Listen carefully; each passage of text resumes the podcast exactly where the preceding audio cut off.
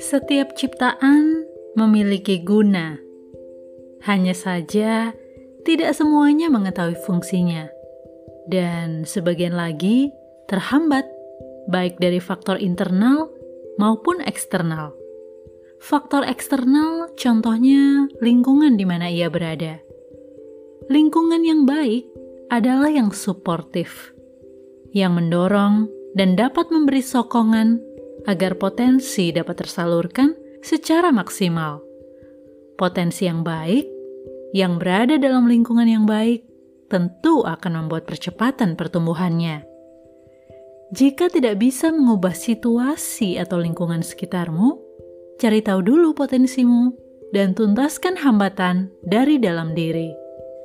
Selanjutnya, jika memungkinkan, ganti lingkunganmu agar suportif dengan segenap potensi yang ada padamu. thank you